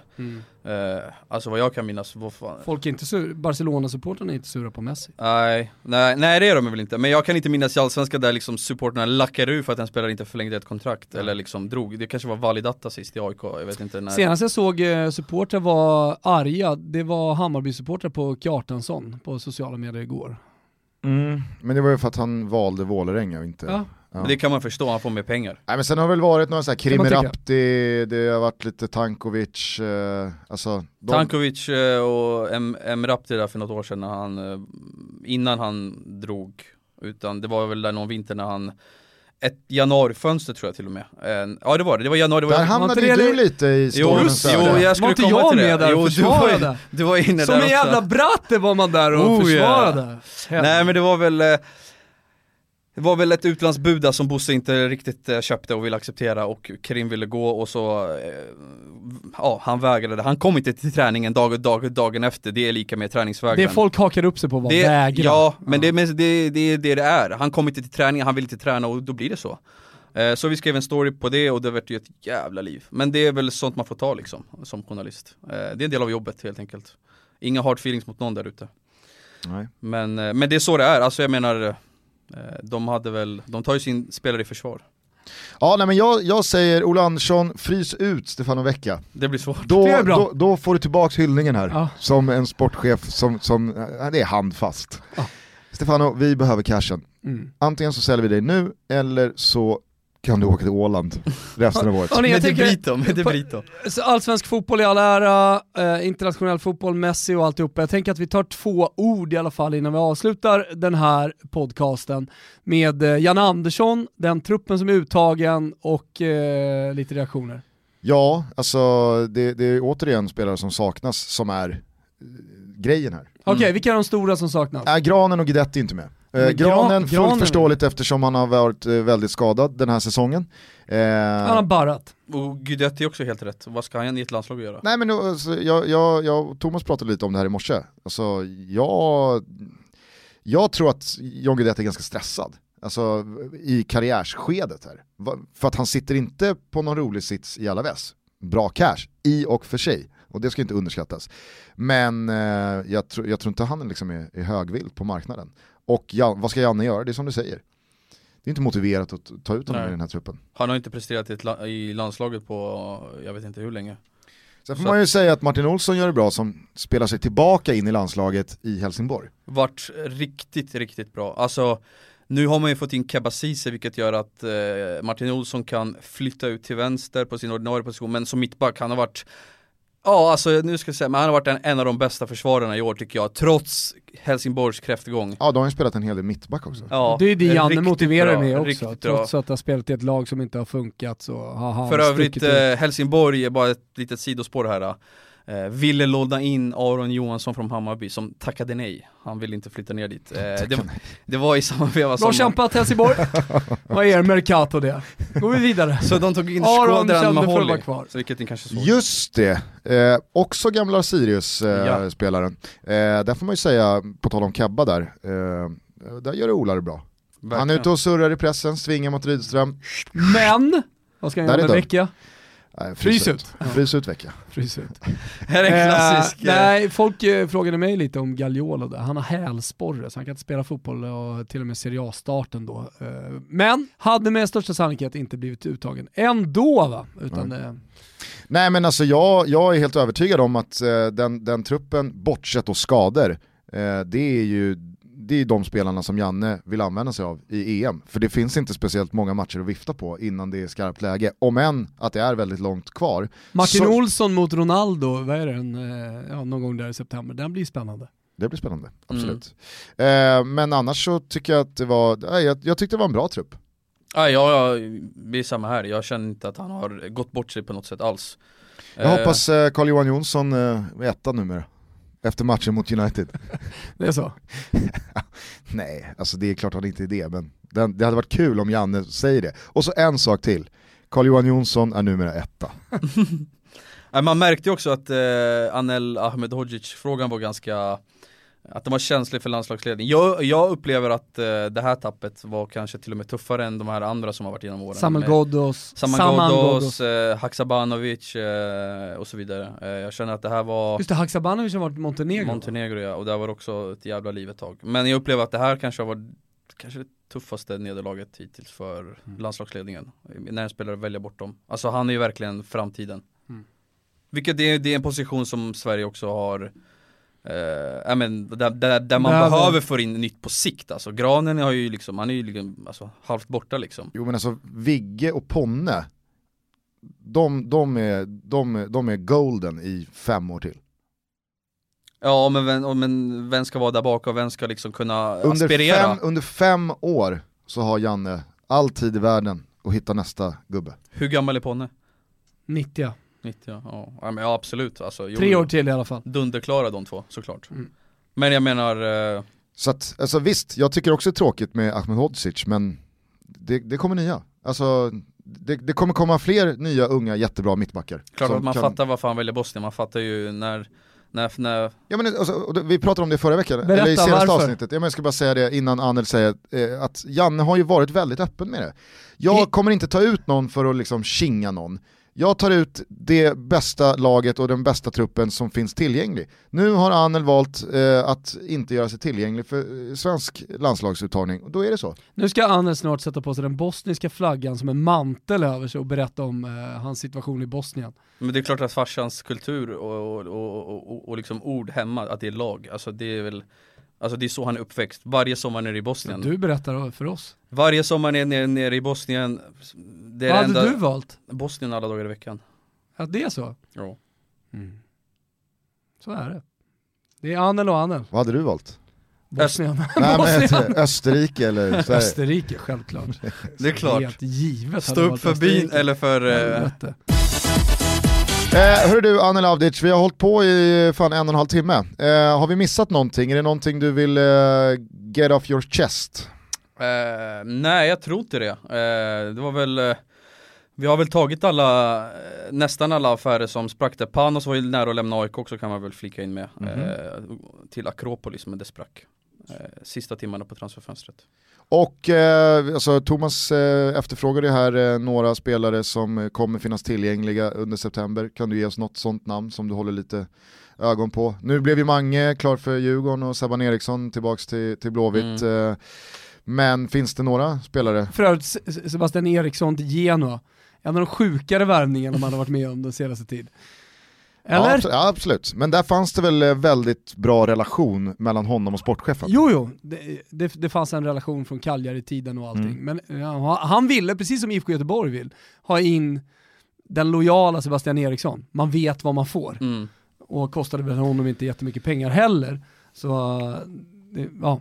Ja, det är väl Fanns svårt, logik i det. som svar på din fråga Gugge. Eh, det är ju ganska knepigt alltså, det är väl, eh, skulle, jag räknar med att Saletros bryter med Rostov, skulle Vejla inte bli av då lär nog Kanske eh, någon klubb i Allsvenskan. Tänker, eh, jag- Danne, Danne Larsson, eh, fortfarande kontraktslös eller hur? Eh, kan, jag inte, jag, kan, kan, kan, jag kan inte kommentera Agent, det. agent Gugge här. Nej, nej men jag tror så här. Eh, Danne kommer inte att spela allsvenskt 2020. Lite trist ändå. Så här, Danne gillar medelhavet och han gillar cash. Då passar, ekvationen går inte ihop med skandinavisk fotboll. Men det måste jag bara fråga innan vi avslutar, ur, ur eh, din egen eh, position, har de här åren gjort att du även har avancerat i ditt eget huvud med att så här, ÖIS har plockat en ny vänsterback från Utsikten, who fucking cares? Eller brinner du fortfarande för sådana som små scoop också?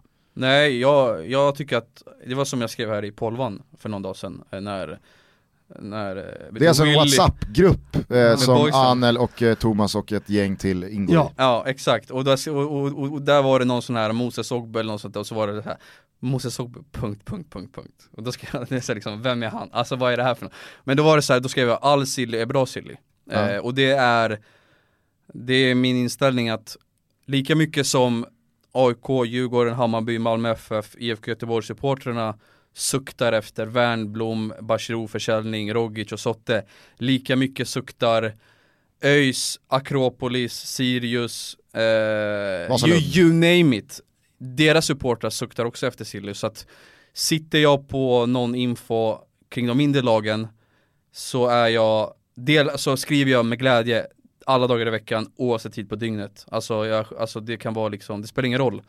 Så att, eh, jag, Återigen är vi tillbaka till den hårt arbetande Anel Avdic, lojal till sina följare. Jag tycker man ska ha respekt för nyheten och liksom, och alltså man ska behandla alla nyheter lika, liksom, man ska inte se ner på superettan värvar, Nej. alltså, utan försöka liksom, eh, sen klart att pulsen blir större när man trycker på publicera att eh, Bachirou ska säljas till Nottingham, jag tror inte att det var kanske särskilt många som såg den komma, men det är klart att pulsen stiger ett hack, två, tre hack eh, mer då, eh, vilket är fullt naturligt för det är en större plattform, större klubb, Malmö är liksom Sveriges bästa klubb eh, i alla klasser och sådär, men eh, Ja men det hedrar dig Anel. Eh, det är fotboll till helgen, eh, även om Ja. alla tror att eh, liksom fotbollen ligger nere. Ligue 1 är tillbaka.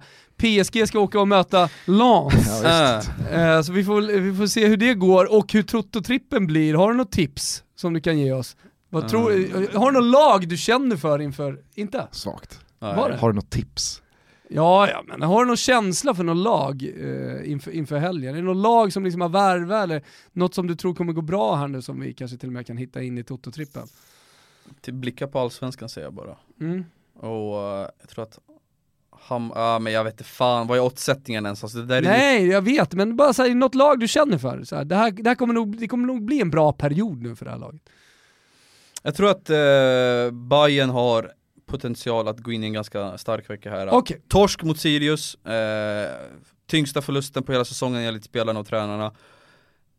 Men man har Europa League-kval ikväll mot Puskas och Och Puskas juniorer. ja, tonar ju ner det där. Men eh, det är klart att det är många junisar som är uppe här från Det var någon Ungern. corona som hade Såklart, satt hela laget är i covid. karantän. Det är klart att det är covid, eh, Mm. den- att den har satt sig starkt där hos dem. Men de spelar ikväll och så möter man, eh, som har match mot Kalmar hemma tror jag det är på söndag. Så att vi jag tror får att de se. kan gå en stark vecka. Eh, håll utkik på godbitar boostade odds hörni, där kommer vår Toto-trippel eh, alldeles strax efter att ni har lyssnat på det här, eller hur Gustav? Ja, eller via våra sociala medier. Så är det. Eh, och tänk på att ni måste vara 18 år om ni ska spela och eh, stödlinjen.se finns för de som har problem.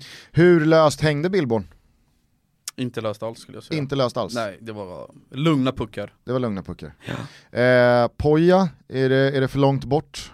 Alltså Göteborg Eh, sådär? jag- Eller, eh, Jag skulle säga så här. jag har fått Innan eh, förra veckan så har jag fått indikationer varje helg. Efter varje match har jag kollat läget. Och fått hela tiden in, in, indikationer på att Poja sitter säkert. Han kan få till och med året ut. Alltså helt ärligt, handen på, handen på hjärtat. Jag vet inte hur det skulle sluta om en, vid en torsk mot Mjällby. Alltså mm. då Mjällby säger jag borta på söndag. Mjällby borta, förlorar man, då tror jag faktiskt att det kanske, det kanske skulle kunna hända någonting. Eh, Så när du då tar upp telefonen, då kanske du får ett annat svar än vad du har fått de senaste veckorna. Ja, det, alltså jag har inte hört någonting nu, jag ska vara tydlig med det för att, så att inte supportrarna hackar upp sig på något ordval här. Nej. Jag har inte, alltså det är nada, ingenting nu, men jag, det är vad jag tror, min magkänsla känsla, säger, det är min alltså, känsla säger. får man också prata om. Torsk mot Mjällby och jag tror att alla de här pressmeddelandena som Max Markusson har haft och Kenneth Andersson de har pratat om förtroende, alltså så här, det där kan man spola ner i en toalett ganska snabbt. Vi, vi, vi vet ju att AIKs styrelse gick ut efter derbyt i, i mixade zon och bara Rickard stannar, då rök han dagen efter. Så att Ja, men, menar, och det, så här, exakt, alltså, man kanske inte alls ska spola ner det i toaletten utan man ska istället ta in det och så ska man tänka på Alexander Axéns bevingade ord att när dina chefer börjar snacka om i pressen att du sitter säkert, då vet du att du inte sitter säkert. Exakt. Det blir inget, då åker vi från Anel på magkänslan. Men Nej. vi tar ändå till oss din magkänsla för vi, vi, vi har stor respekt för det Anel. Men skulle Mjällby vinna med tre bollar på söndag och Anel Avdic twittrar ut 20 minuter efter match, då åker vi. Då, Då vet vi att det då, är någonting på gång. Då, då vet vi att det händer grejer. nu tycker jag att vi ska skåla i en Pepsi Max. Jäkla trevligt avsnitt Anel. Vi ser fram emot att du kommer Tack. tillbaka i framtiden också. Gärna, Eh, Det gärna. kommer fler transferfönster och eh, ja, anelavdic.com, likt gianlucadimarzio.com har inte riktigt lanserats än, men vem vet kanske det också i framtiden. Härligt att ha det här. Eh, följ Anel på Twitter, kontot heter Anel Avdic. Och, Och följ- där eh, får man eh, väldigt mycket matnyttig information, i synnerhet kring den svenska fotbollen och vad som händer med klubbarna. Och följ honom på Instagram, där har ni alltså bilder då på Sveriges eh, knulligaste journalist. Alltså det måste ju ändå sägas. Det finns ju ingen med en knulligare look än Ful är du inte. Nej, Det är ingen, det är ingen Nu är det fina ord Du här. rullar inte bara ur sängen och så bara blev det så. Det är mycket hårt jobb bakom eh, den där nunan oh också. Eh, vill du avsluta avsnittet med någon låt? Gärna. Är det något eh, bosniskt eh, Nej, plinka plonka med massa nej jag säger så här. En diss till den po- bosniska folkmusiken va? till alla juggar och skit? Nej vi skulle kunna gå ut på så här. jag har haft så här. Absolut, vi skulle kunna gå ut med Halid Beslic eller eh, Sinan Sakic eller eh, Mile Kitic eller you name it liksom eh, Men den här eh, gången känner jag, eller liksom Jala Bratt om man vill så eh, modern eh, trap hiphop fast på bosniska, de är hur stora som helst Men jag känner att vi ska gå ut på den låt som jag har spelat eh, som pumpas ganska hårt i bilen eh, sommar och liksom höst där. Det är Yassins eh, Young and Heartless. Eh, så att eh, jag tycker att vi går ut på den. Okej, eh, då lyfter vi på hatten och säger stort tack till Anel Avdic för att han kom och gästade oss och vi vill eh, med eftertryck avsluta med ett rungande tack till alla som har röstat på dig, på mig och på den här podden i eh, nomineringarna till Guldskölden. Ja, glöm inte bort Anel Avdic som årets eh, sportreporter nästa år. Nej, verkligen inte. Eh, vi hörs nästa vecka igen. Nya avsnitt Never Forget finns att hacka i sig bäst fan ni vill. Eh, trevlig helg, ta hand om er. Ciao tutti. Ciao tutti. Ut för mina rader. Istället för att hylla mig med priser och pokaler. Polisen vet jag är kapabel. Kriminalvården flyttar runt oss som nomader. Där ute jag kan fylla lokaler. Där ute jag kan lägga en polislön på ett par sandaler. Min gun har gjort att jag undvikit ett par skandaler. Jag brukar byta bilar som folk byter kanaler. Ah, Project baby med höga riskfaktorer. Jag missar Petri Guld, jag satt med fulla restriktioner. Det händer inte mycket under solen. Jag smilar framför kameran, folk under bordet. Utanför musik, vi är hit snart. Vi går från Nike Air Max till kostym och slips. Stämplade gist, mitt liv är som en vers från Troublesome 96 Ey. I walk with the young and the heartless. He don't give a fuck, han är lawless. Jag är utomlands, pumpar flawless. Heartless, baby jag är straight from the project. I'm just another brother making progress. Remy Martin och